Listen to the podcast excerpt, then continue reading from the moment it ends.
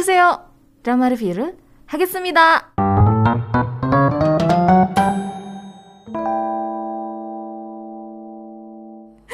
Ya, jadi pendengar, kalau misalnya pendengar suka nonton drama Hospital Playlist tipe-tipenya seperti itu gitu, kemungkinan besar kamu bakalan suka dengan drama Daily Dose of Sunshine ini. Kalau Hospital Playlist kan ngebahas tentang penyakit terkait dengan fisik ya, misalnya kayak um, sakit sakit apa ya ya uh, usus buntu gitu terus uh, ada masalah dengan jantung terus ada juga yang ngebahas tentang anak-anak ya Sementara kalau Daily Dose of Sunshine ini lebih ngebahas tentang penyakit mental. Tapi dua drama ini tuh sama-sama tipe drama yang healing gitu. Kita nontonnya tuh nggak akan sampai yang pusing mikirin nih siapa penjahatnya ya gitu. Enggak, tapi tipe tipe drama yang bikin kita healing yang penuh dengan pesan-pesan uh, seputar kehidupan gitu. Jadi ada banyak uh, dialognya yang bisa kamu jadiin quotes ya. Dan drama ini, drama Daily Dose of Sunshine ini diadaptasi dari webcomic yang ditulis oleh Iraha. Ini kayaknya waktu itu aku keingetan aku ya, aku ada momen di mana aku lagi nyebutin Iraha ini terus ketawa ngakak tapi aku lupa. Ketawa ngakaknya sama Junsi, tapi lupa momennya gimana gitu. Dan ternyata webcomic ini tuh diadaptasi dari kisah nyata. Pas nonton pun memang kerasanya deket sih dan kerasa kayak um, manusiawi sekali gitu loh Nah, karakter utama di drama ini namanya adalah Jung Da Eun. Ini yang diperankan oleh Pak Boyong ya. Jadi Jung Da Eun ini seorang perawat di Rumah Sakit Universitas Myungshin. Awalnya dia bertugas di bagian penyakit dalam. Cuman karena satu hal, nonton aja aku nggak mau spill, dia akhirnya dipindahin ke poli kesehatan jiwa atau psikiatri. Dan kepindahannya ini tuh kayak bikin gosip gitu loh. Kenapa ya reasonnya? uh, si Jung Eun ini pindah? Ada apa? Apakah dia bikin masalah kah di poli uh, penyakit dalam atau gimana? Tapi begitu ditanya ke penyakit dalamnya enggak kok nggak ada masalah apa-apa? gitu. Jadi kayak dipertanyakan kenapa Jung Eun pindah gitu. Ya memang ada reason ya nonton aja ya. Jung Da Eun ini digambarkan sebagai seorang perawat yang baik banget super duper baik sekali dan dia tuh tipikal yang lebih mengutamakan kenyamanan orang lain kalau di sini lebih mengutamakan kenyamanan pasiennya daripada dirinya sendiri gitu. Ada satu scene di mana ada satu pasien yang habis dimasukin infus ya, dipasang infus gitu terus dia kesakitan, pegel gitu si tangannya. Uh, si pasien ini coba ngomong ke perawat-perawat yang lain, tapi selalu jawabannya tuh ya kalau di infus memang nanti bakal pegel, ditahan aja gitu. Uh, sampai akhirnya ada Jung Daen datang ke pasien ini terus nanya gitu kamu kenapa ngerasa gak nyaman di bagian mananya? Terus si pasien ini cerita gitu kalau si tangannya tuh kerasa pegel. Dan karena sudah dapetin jawaban dari beberapa uh, beberapa perawat sama ketika Jung Daen ngomong si pasien ini tuh udah bisa langsung tahu apa yang Jung Daen bakal ngomongin gitu. Ya udah nanti juga akan ya namanya di infus yang memang seperti itu gitu. Selalu jawabannya seperti itu dan kelihat si pasien itu bete sendiri karena ya nggak nyaman gitu kan ya, nggak enak gitu. Udah badan nggak enak, tangan pegel juga ya pokoknya nggak nyaman. Nah, berbeda dengan perawat-perawat yang lain, Jung Daen ini berusaha memikirkan apa nih solusinya untuk si pasien ini. Gitu. Akhirnya dia ganti si jarum infusnya. Dari jarum infus yang untuk dewasa dia ganti ke jarum infus untuk anak-anak gitu. Dan after diganti si pasien ini jauh lebih ngerasa nyaman. Nah, gitulah contohnya ya. Dan kelihatannya sifat baiknya ini tuh ya bagus gitu ya. Tapi ternyata enggak, enggak seperti yang dipikirkan gitu, enggak sebagus itu. Enggak semua orang bisa menerima sifat Jung Daen yang bisa dibilang kayak people pleaser banget gitu. Beberapa rekan-rekannya justru mengeluhkan hal ini karena pekerjaan Jung Daen itu jadi lambat. Karena kan dia terlalu mementingkan kenyamanan pasiennya ya gitu. Ada banyak pekerjaan yang akhirnya nggak bisa selesai dan di backup sama rekan-rekannya. Dan rekan-rekannya ini mengeluhkan hal itu udah tahu kita banyak kerjaan nih si Jung Daen tuh malah kerjanya lambat banget gitu loh. Nah singkat cerita pindahlah dia ke bagian psikiatri. Jung Daen itu belajar banyak hal baru. Kalau quotesnya tuh ya di tempat yang baru kamu belajar lagi dari nol gitu. Ups. nah, eh, bagaimana dia berhadapan dengan pasien-pasiennya? Bahkan dia sampai menjadi objek delusi dari pasien psikotik akut karena jadi korban penipuan. Ini sungguh ceritanya tuh ya si pasien ini tuh masih di usia muda tapi kesulitan untuk mendapatkan pekerjaan. Dia udah coba ngelamar tapi ternyata masih belum memenuhi kriteria. Pokoknya dia nggak bisa dapat pekerjaan. Dan di masa-masa tersulitnya itu tiba-tiba dia dapat uh, telepon. Dan ini tuh penipuan karena dia lagi butuh pekerjaan jadi kayak gelap mata gitu loh. Dan akhirnya ketipu uh, lumayan lah uang tabungan dia uh, ya akhirnya dirawat oleh Jung Daen tapi ya Jung Daen ini dijadikan objek delusi gitu disangka penipu yang mengambil uangnya. Ini nonton deh sungguh ini tuh di scene ini ya. Uh, kita ngelihat gimana si Jung Daennya pun apa ya kayak kesel sendiri gitu. Dia tuh nggak bisa membela dirinya di depan si pasien ini. Dia nggak bisa langsung bilang bukan saya kok yang ngambil kok kamu nuduh saya. Dia nggak bisa ngelakuin itu gitu. Tapi satu sisi dia marah juga tapi di sisi lain dia juga kesel sama dirinya sendiri kenapa dia marah gitu sama pasiennya wah pokoknya complicated banget lah ini tuh dan di sini kita bisa melihat sisi manusiawi dari seorang Jung Daen karakter Jung Daen ini diperankan oleh Pak Boyong dan untuk mendalami perannya, Pak Boyong itu sampai melakukan observasi di rumah sakit Saint Mary Soul. Dia juga jadi sukarelawan di bangsal anak di rumah sakit sana gitu. Nah, um, sutradara dari drama ini namanya Lee Jae itu sempat khawatir sama Pak Boyong. Kenapa? Karena Pak Boyong ini tuh tipe orang yang baik. Mirip kayak Jung Daen sebenarnya. Dia selalu mendahulukan rekan-rekannya dibandingkan dengan dirinya sendiri sutradara Lee Jae Kyung itu sempat khawatir kalau nantinya karakter Jung Da Eun akan mempengaruhi pribadi dari Park Bo Young. Jadi kan kalau untuk memerankan satu buah karakter itu kita harus mendalami karakter dan bahkan bisa dibilang gitu kalau aku pernah nonton uh, wawancaranya atau ya channel YouTube-nya Ernest Prakasa di hahaha hahaha corp ya.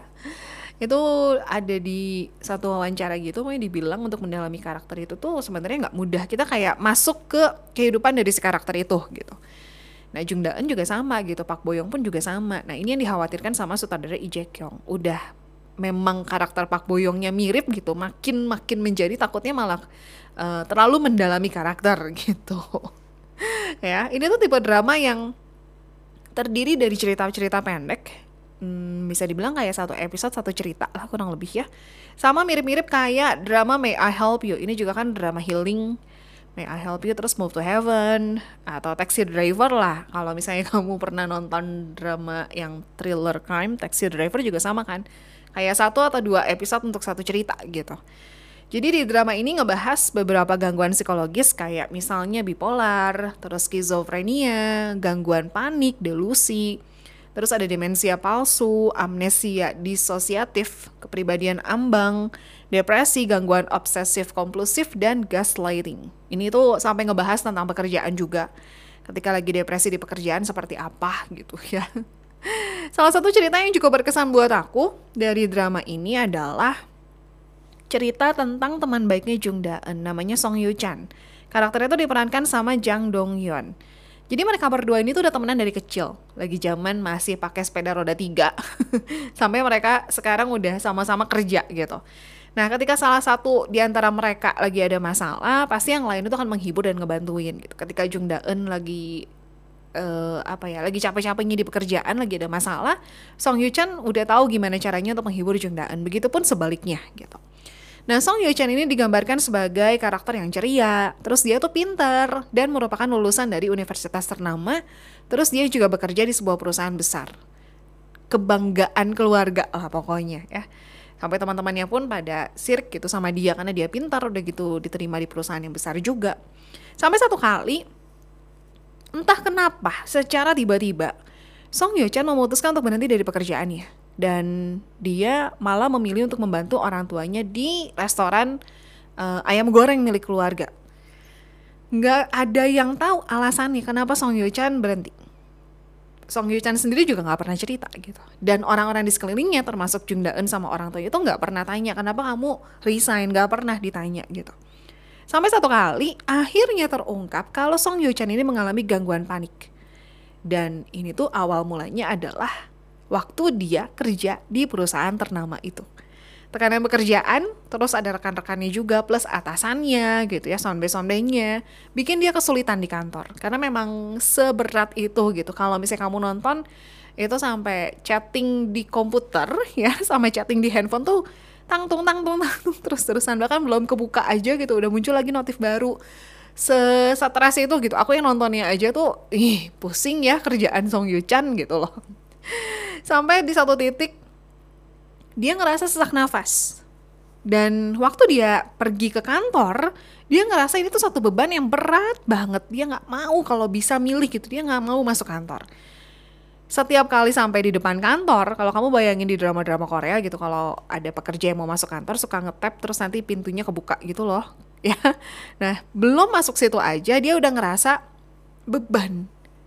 Terus uh, puncaknya adalah ketika dia merasa ada air yang mengalir dari badan dia dan air itu lama kelamaan bikin dia tenggelam dan sesak nafas gitu. Jadi sejak saat itu Song Yu Chan memutuskan untuk keluar dari pekerjaannya.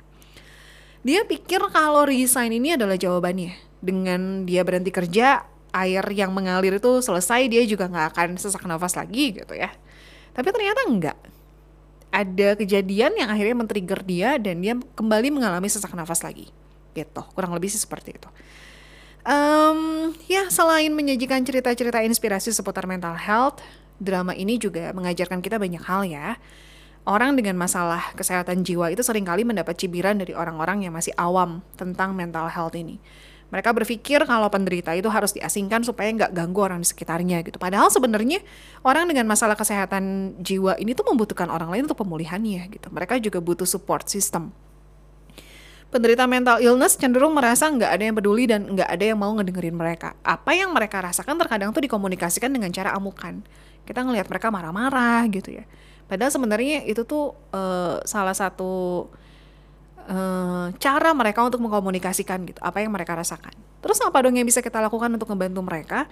Pertama, kita bisa jadi pendengar yang baik. Bukan cuma sekedar mendengarkan cerita mereka aja, tapi juga belajar untuk memahami dari sudut pandang mereka dengerin itu gimana sih gitu dengerin itu bukan berarti kita juga ikutan ngomong motong cerita mereka enggak ya tapi benar-benar kita mendengarkan mereka dengan uh, empati gitu terus yang kedua tidak menghakimi sudut pandang mereka ketika penderita mental illness ini cerita kita jangan langsung menyangkal dengan keras tapi coba untuk berempati dan coba untuk menghargai perasaan mereka terus selanjutnya kita temenin mereka kita bantu mereka untuk bisa pulih dan terakhir mempercayai mereka dan jadi support sistem mereka. Drama ini didirect oleh Jae Kyo. Jae Kyo sebelumnya itu mendirect um, kalau untuk drama ya, drama itu dia ada Beethoven Fires, kemudian ada The King Two Hearts. The King Two Hearts kalau nggak salah yang diperanin nama Lee Seung Gi deh. Tadi ya, ini agak agak-agak solid mouse-nya ya. Why? Hey. Ya. Iya betul, Isenggi. Terus All of Us Are Dead season 1 dan season 2 juga didirect oleh I Jae Kyo. Terus kalau untuk movie dia mendirect Intimate Strangers. Intimate Strangers itu oh yang diadaptasi dari aku lupa pertamanya dari mana ya. Pokoknya ini movie yang bagus banget dan bisa dibilang kayak movie yang paling banyak diadaptasi di berbagai negara. Indonesia juga bikin ada di Prime Video yang Indonesia. karena memang sebagus itu ya itu untuk direkturnya. Terus kalau untuk writernya penulis dari webkomiknya itu Iraha kemudian ada Inam Kyo Inam Kyu ada Oh Bo Hyun sama Kim Dahi. Nah untuk Inam Kyo sendiri beliau sebelumnya itu menulis drama Behind Your Touch ini juga dari Netflix. Terus The Light in Your Eyes kemudian uh, Listen to Love dan lain-lain. Jumlah episodenya 12 bisa langsung ditonton dan langsung beres juga. Nggak nggak bikin kamu penasaran menunggu-nunggu episode terbaru nggak ya jadi langsung seketika beres dirilis dan durasinya kayak satu jam satu jam lebih dikit lah gitu per episodenya tuh nggak berasa sih sebenarnya ya Oke, kita bahas pemeran-pemeran nih ya. Pak Boyong yang pertama. Pak Boyong tuh kalau udah adegan nangis ya, wah juara banget ya. Ini tuh yang tadi aku cerita ketika dia jadi objek delusi di satu momen dia ngerasa bener-bener kayak marah tapi nggak bisa marah gitu. Dia nangis. Wah sedih sih liatnya. Uh, Pak Boyong terakhir aku lihat dia tuh di Strong Girl Namsun cuma jadi cameo doang bareng sama Pak Hyun Sik karena kan dia main di Strong Girl The Bongsun ya. Terus kalau untuk drama terakhir dia main di tahun 2021 yaitu Doom at Your Service. Terus ada di Abyss kemudian Oh My Ghost dan lain-lain. Ya terus kalau untuk movie-nya sendiri ada di Concert eh konsert lagi kon konkret kok konsert sih konkret utopia yang kemarin dibahas bareng sama Junse terus dia ada main juga di On Your Wedding Day ya itu untuk Pak Boyong Terus kita bahas Jang Dong Yoon yang berperan sebagai Song Yu Chan. Aduh ini tuh friendzone sih bisa dibilang ya. Karakternya tuh uh, Jang Dong Yoon. Dia main di Hmm, kalau untuk movie ya Beautiful Days, terakhir aku nonton dia di Project Wolf Hunting, terus ada satu lagi Devils, tapi ini aku nggak nonton sih. Devils ini, ya aku belum nonton. 2023 sih. Kalau untuk dramanya, dia ada di Oasis, kemudian The King of Desert. Um, aku nonton dia terakhir itu di Search, terus ada di The Tale of Nokdu cantik banget ya di situ. a Palm a Day, School 2017 dan masih banyak lagi. Ya, itu untuk Jang Dong Yeon. Terus berikutnya ada Yeon Woo Jin. Dia tuh di sini berperan sebagai Dong Go Yeon. Dia seorang dokter. Uh, beda poli tapi sama Pak Boyong. Dia pun di awal tuh mengalami masalah kesehatan mental lah. Jadi dia tuh kalau lagi apa ya lagi ada pikiran gitu kayaknya. Pokoknya dia habitnya tuh selalu bunyiin jari gitu. Kan suka di apa tuh namanya dipletekin? Yang gini lah bunyi. Nah yang gitu. Dia suka gitu terus gitu. Bener-bener dibunyiin satu-satu sampai si buku-buku jarinya tuh jadi membesar kan gitu. Dan dia pengen berhenti. Akhirnya dia konsultasi gitu Um, Yeon Woo Jin, aku nonton dia terakhir di drama 39, ini drama juga bagus banget ada di Netflix. Terus dia ada di Search juga, kemudian uh, Queen for Seven Days, My Shy Boy, uh, My Shy Boss, kemudian Another Miss Oh dan masih banyak lagi ya. Terus di sini juga ada beberapa karakter-karakter yang mungkin kalau misalnya kamu lihat pemeran-pemerannya tuh udah nggak asing gitu, kayak Lee Jung Eun, ya dia di sini berperan sebagai salah satu dokter. Um, cerita dia juga bagus. Udah gitu ada Yu In Soo yang mungkin kamu nonton dia di Alchemy of Souls atau mungkin di um, Uncanny Counter. Dia ada di sini ya. Dan masih banyak lagi lah pemeran-pemerannya. So far aku ngerasa drama ini bagus ya. Um, selain kita dapat hiburannya gitu ngelihat bagaimana keseharian dari para dokter dan suster ini gitu ketika merawat orang-orang yang punya masalah kesehatan mental, kita juga dapat pelajaran tentang hidup yang sangat amat berharga sekali gitu. Jadi aku sih rekomen banget untuk kamu nonton drama ini. Dramanya 12 episode aja, tersedia di Netflix.